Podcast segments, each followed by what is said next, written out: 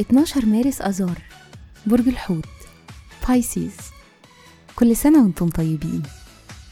الصفات العامة للبرج صاحب الرؤية العاطفي المنقذ الحالم والشاعر الكوكب الحاكم لا يوجد.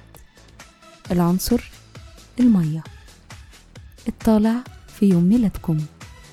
رحلة الحياة ما بين تسع سنين وتمانية وتلاتين سنة بتزيد ثقتكم في نفسكم تدريجيا وبتبقوا طموحين أكتر وحاسمين جدا.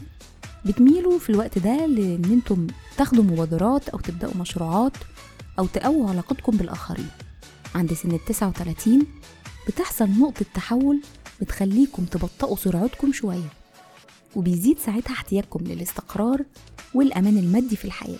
الشخصية بالرغم من أنكم موهوبين وماهرين إلا أنه بدون المجهود اللازم والتصميم الموهبة دي ممكن ما يتمش استغلالها كويس.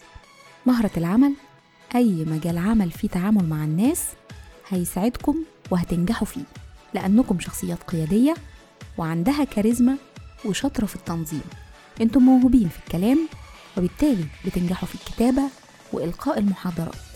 تأثير رقم يوم الميلاد منطقيين ودودين وبتساعدوا الآخرين. دي أهم الصفات اللي بيديها لكم الرقم 12 في الحب والعلاقات أنتم اجتماعيين وبتعملوا صداقات بسهولة. عندكم اهتمامات متعددة بتعجبوا بالناس الناجحين سواء على المستوى المادي أو الإبداعي. بيشارككم في عيد ميلادكم الملك الليبي محمد إدريس السنوسي الفنانة الراحلة سعاد نصر والمغني الأمريكي آل جرو. وكل سنة وأنتم طيبين.